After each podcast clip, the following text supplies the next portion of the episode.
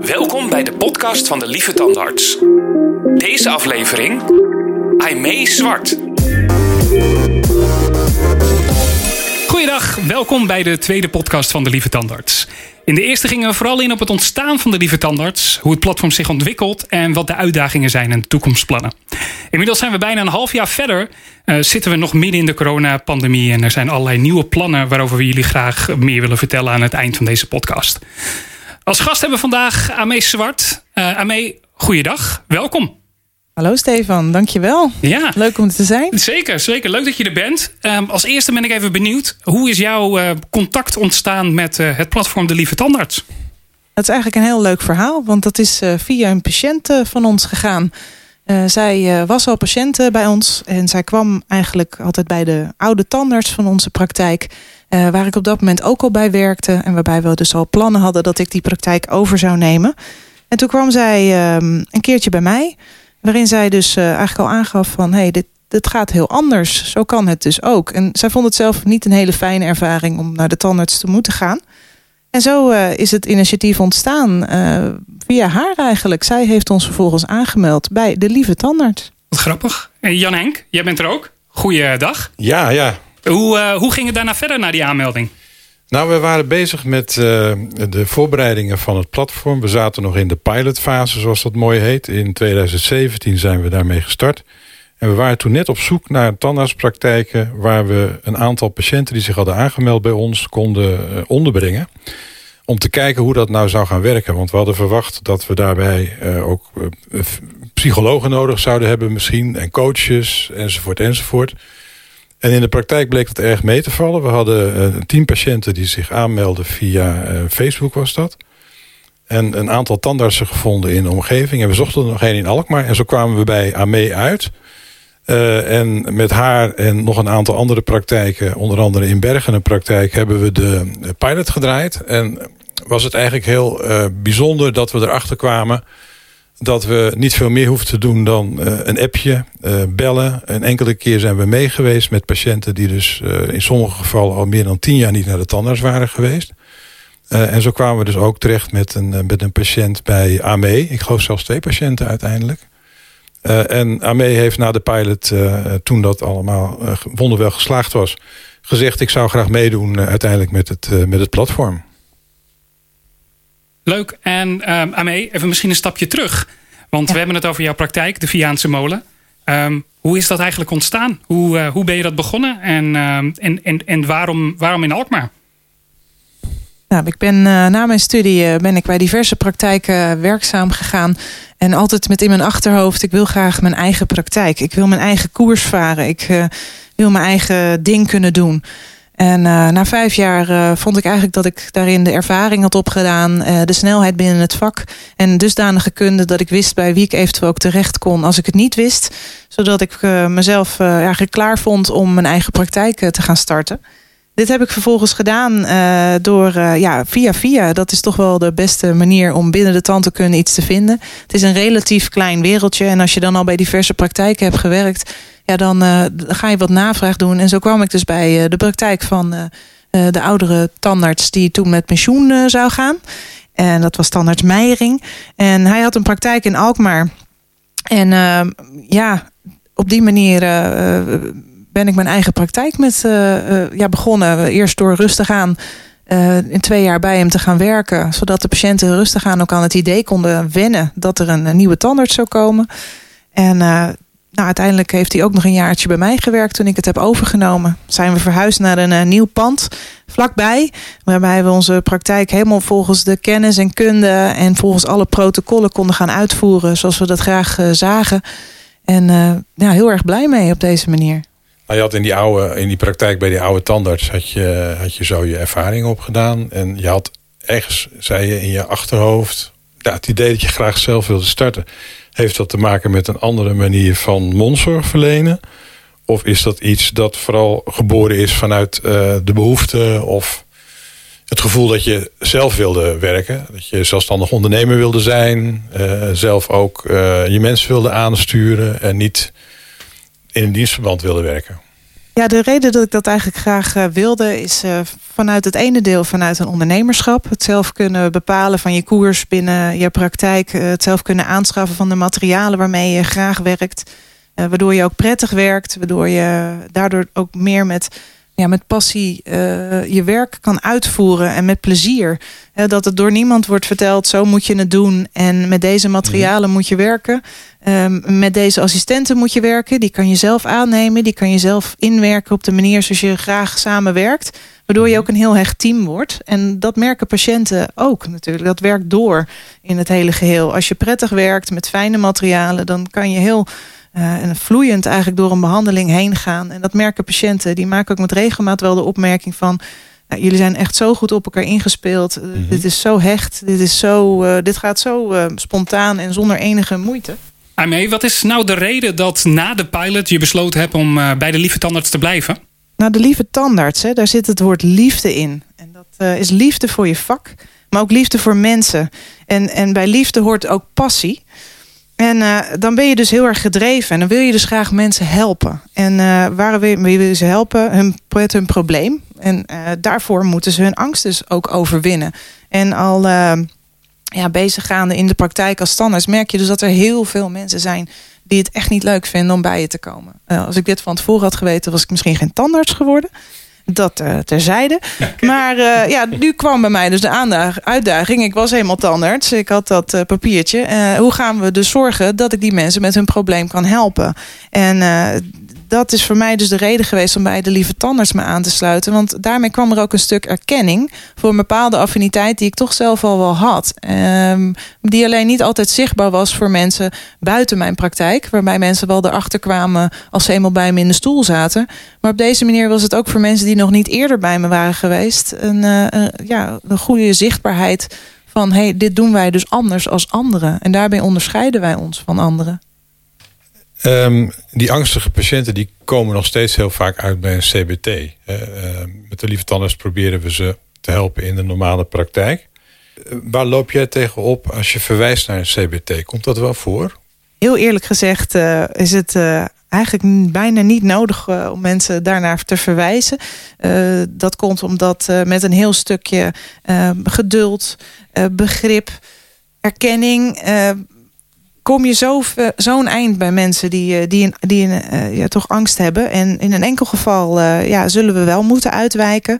Um, dan is dat gewoon heel erg lastig. Want de wachtlijsten zijn, zijn enorm voor deze, voor deze instellingen. Ja. En, en hoor jij, merk jij ook vaak dat als iemand angstig is... dat hij zich ook schaamt? En dat het ook een reden is dat hij niet komt? Of is dat iets wat je niet hoort eigenlijk? Ja, schaamte is uh, eigenlijk de grootste drempel voor deze mensen om, uh, om vervolgens weer te komen. Uh, dat, dat zie je in hun hele gedrag. Dat, dat zie je soms ook dat ze dat letterlijk tegen je zeggen. als ze in huilen uitbarsten, dan schamen ze zich daarvoor. zeggen ze altijd sorry. Um, het is, dat is echt wel de hoofdreden inderdaad. Dat, mensen, ja. Dat, ja. dat, dat ze daardoor maar langer en langer en langer niet komen. Je hebt gedurende jouw carrière meer en meer geleerd om om te gaan met, uh, met met name dat type patiënten ook. Want dat trek je ook uh, zeer aan. Maar um, heb je in je opleiding voldoende um, ja, tools gekregen om daarmee om te leren gaan? Er was zeker wel een, een stukje binnen de opleiding gereserveerd voor dan de zogeheten bijzondere zorggroepen of bijzondere patiëntengroepen. En daar komt alles wel in aan bod, maar toch wel redelijk globaal. En het is eigenlijk maar een heel relatief klein deel van die hele opleiding die daarvoor uh, gereserveerd is. En ik denk zeker wel dat dat beter kan. Voor een deel zal een stukje van je kennis en kunde op dit, gebak, op dit vakgebied toch wel zitten in, uh, in de affiniteit die je er zelf mee hebt. Een bepaald gevoel wat je daarbij hebt. Het feit dat je dat leuk vindt om te doen. Het feit dat je een mensenmens bent. Mm Dat zit voor een deel in je. Maar er zijn ook uh, heel veel dingen die, uh, die je kan aanleren daarin. En hoe je daarmee omgaat. Uh, ook al heb je een bepaalde affiniteit hiermee. Kan je toch nog een hele hoop leren van mensen die daar eigenlijk dagelijks een vak van maken. Ja, ja, dus ervaring is belangrijk. zouden traineeships of, of mentorschappen waarbij je jongere tandartsen begeleidt... daarin een rol kunnen spelen? Ik denk zeker dat dat een toegevoegde waarde zou kunnen zijn. op, zeker omdat er dus maar een klein deel binnen de opleiding hieraan wordt besteed. en mm vooral heel erg gericht is toch op de, de prestaties zelf en de behandeling zelf. Ja. daarbij niet uit het oog verliezend dat er natuurlijk een mens aan die mond vastzit. En dat er niet alleen maar een, een trucje moet worden uitgevoerd en een mhm. behandeling. Maar hoe kom je uiteindelijk van A naar B binnen die behandeling? Dat zal niet bij iedereen even makkelijk gaan. En daarmee extra tools uh, krijgen zou zeker uh, nuttig kunnen zijn. Ja. ja. En dan heb je de professionals als mondhygiënisten en als standaardsen die aan de stoel staan. En uh, het werk natuurlijk in de mond grotendeels verrichten. Maar al die assistenten in een praktijk, die hebben vaak de opleiding niet genoten of daar ook niet echt mee leren omgaan. Is dat iets wat je in de praktijk ook merkt en probeer je daar wat aan te doen? Ik ben gelukkig uh, heel erg uh, blij met een team die uh, ook dit eigenlijk bijna in hun genen ingebakken heeft zitten. ze spelen een heel belangrijke rol, want zowel natuurlijk van de ontvangst af tot aan het vertrek maakt dat je lieve tandarts bent. Het, ook het over de telefoon eh, als mensen ons telefonisch benaderen, mm we krijgen toch daar toch wel heel vaak feedback over. Gelukkig op een positieve manier. Eh, waarbij ze dan binnenkomen en vervolgens inderdaad Simone zien zitten en zeggen: Ah, jij bent Simone. Ik heb jou aan de lijn gehad.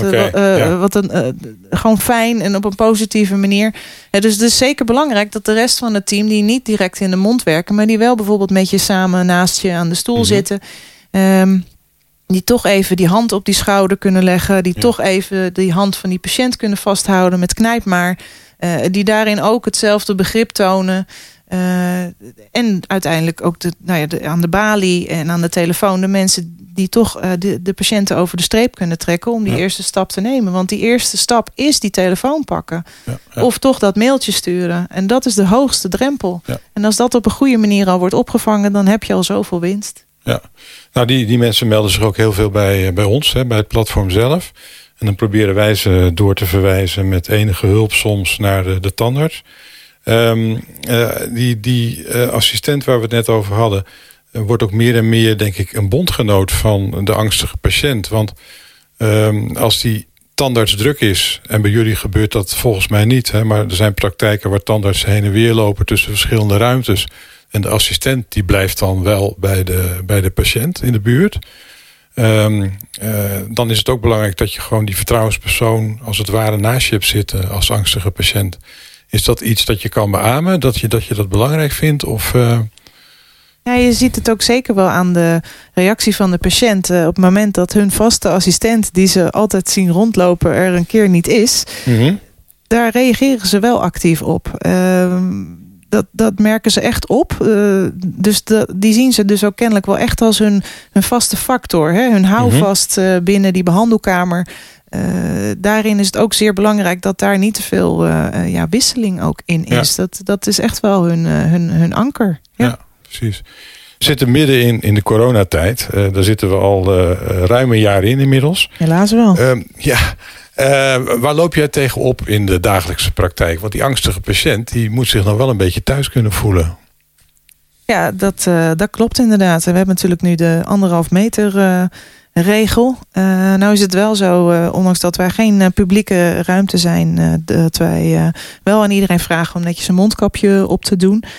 daarmee, omdat wij ook een mondkapje dragen, is het daardoor natuurlijk wat beter mogelijk om ja, toch een, op een fijne manier goed contact te hebben. En mhm. toch even dat gesprek te hebben van tevoren. Dat gesprek van tevoren is echt super belangrijk voordat je echt gaat beginnen. Al is het alleen de controle. Het is even dat sociale stukje. Ook voor de mensen mhm. die niet angstig zijn. Maar voor de mensen die wel angstig zijn. Is het even een stukje van. Oh, we hoeven niet meteen van start. We krijgen even een introductie. Ze vertelt wat. En we daardoor zich toch iets meer op hun gemak gaan voelen. Uh, uiteraard hebben we verder alle protocollen aangepast in de zin van de, de handhygiëne, het aanpassen daarvan. Uh, mensen die uh, ook vervolgens, ook al hebben ze nog even met een telefoon in de wachtkamer gezeten, toch ook mhm. nog in de, in de kamer even hun handen desinfecteren. zodat het toch mogelijk maakt dat we toch even tijdens een behandeling die hand kunnen vastpakken waarbij dat nodig is bij mensen die angstig zijn. En ja, we, we werken nu eenmaal binnen anderhalf meter. Anders dan, uh, wordt het een beetje prijsschieten, zoals mijn nieuwe Montigenist dan graag zegt. En dat moeten we niet hebben. We, we hebben dat nauwe contact nodig met onze patiënt om mhm. een goede behandeling te kunnen uitvoeren. daarbij hebben wij dus nou, ook aangepast dat mensen van tevoren spoelen. Ehm, maar ja, het, het, het, is en blijft een vak wat je toch binnen die anderhalve meter ja, zal moeten uh, uitvoeren. Ja, ja. En, en, en het is veilig bij jullie, hè? Het is uh, voor patiënten gewoon veilig om te komen. Je hebt geen situaties meegemaakt dat patiënten besmet zijn. Het is zeer veilig om, om bij ons te komen. er zijn binnen de tandheelkundige praktijk in heel Nederland... zijn er nog geen besmettingen plaatsgevonden. die hebben nog niet plaatsgevonden van, van tandarts naar patiënt... Uh, dus op deze manier uh, kunnen we echt wel stellig zeggen dat de maatregelen die we in heel Nederland nemen in binnen de tandartspraktijken, dat we dat toch uh, goed doen en op een veilige manier doen, waardoor het ook echt veilig is om te komen. En waarbij we het ook binnen ons team zelf heel serieus nemen. Dat als er zelf dingen zijn, mm. dat we, ja, ook al zitten we, gewoon zijn we druk. En dat we toch zeggen voor de zekerheid, we zeggen het programma af. We gaan ons toch eerst laten testen. We willen geen risico's daarin lopen. Maar uh, ja, het is wel een, een ding, want uh, ja, de agenda's die staan gewoon vol. Uh, er zijn met regelmaat toch mensen die moeten afbellen... doordat ze een foute triage, dus een foute vragenlijst hebben... waardoor de gezondheid dus niet matcht met wat we, waarmee we dus kunnen gaan behandelen. Ja dat geeft wel chaos in de praktijk op dit moment. Uh, er zullen ook heus wel mensen zijn die denken... dat is een makkelijk excuus. dat, is, dat is lastig om dat goed uit te filteren... maar inderdaad relatief toch meer afzeggingen op het laatste moment. De BALIF heeft een hele belangrijke functie hierbij... Uh, om dat allemaal weer op te vullen. Ja. Uh, is wat dat betreft een gouden kracht op dit moment. maar ja, het, we moeten het wel ergens kwijt allemaal. Ja. ja. Nou, we horen dat ook veel in, in het contact met praktijken in het land... Eh, dat ze eigenlijk bezig zijn doorlopend met, uh, ja, met de dagelijkse praktijkvoering... en, en agenda's weer uh, in orde krijgen na, na al die afzeggingen. veel uitstel ook van behandelingen. En, en daardoor horen we ook dat, dat praktijkers zeggen... we willen graag meedoen, maar ja, kom in november nog eens terug. Oktober, november. Want we zitten tot die tijd gewoon helemaal vol. En we zijn alleen maar bezig met, met plannen en, en gedoe. Uh, dus het zou ons ook helpen als we eindelijk uit deze pandemie komen. Wat wij gezien hebben de afgelopen jaren... want we zijn nu een jaar vier bezig met dat platform... is dat ook in de commerciële sfeer... Uh, met termen als angststandards en narcosestandards... narcosepraktijken enzovoort enzovoort... en geprobeerd wordt geld te verdienen aan angstpatiënten. Dat is wat, wat ons betreft geen positieve ontwikkeling... Uh, en um, ergens in dat hele traject zijn we een aantal maanden geleden benaderd. Uh, dat was in november vorig jaar door uh, Atte Jong. Die, uh, die ons vroeg of um, we ervoor in waren om na te denken over een soort tussenfase tussen de normale practicus, noem het maar even, of de, de, de algemene tandarts en de, de opgeleide tandartsangstbegeleiding, die, die drie jaar nog na zijn master een opleiding heeft gevolgd. Uh, met als bedoeling om ja, daar een, een laag aan te leggen. Noem het even lieve tandartslaag. Van mensen die zich uh, doorlopend eigenlijk laten opleiden... in het omgaan met uh, angstige patiënten en alle eigenaardigheden daarvan. en zo zijn we gekomen in samenspraak tot, tot een aantal kwalificaties. Dat zijn de kwalificaties die we in het platform zelf gaan hanteren. Waarbij we zeggen als je een praktijk hebt en je doet mee bij, uh, met de lieve tandarts... dan heb je een A-praktijk. Als je uh, één tandarts of multihygiënist minimaal laat opleiden... een A-plus-praktijk bij drie mondzorgprofessionals of meer... en als je meer dan de helft van je team laat opleiden... of hebt laten opleiden... inclusief jezelf als tandarts of mondhygiënist... dan noemen we dat een A++-praktijk...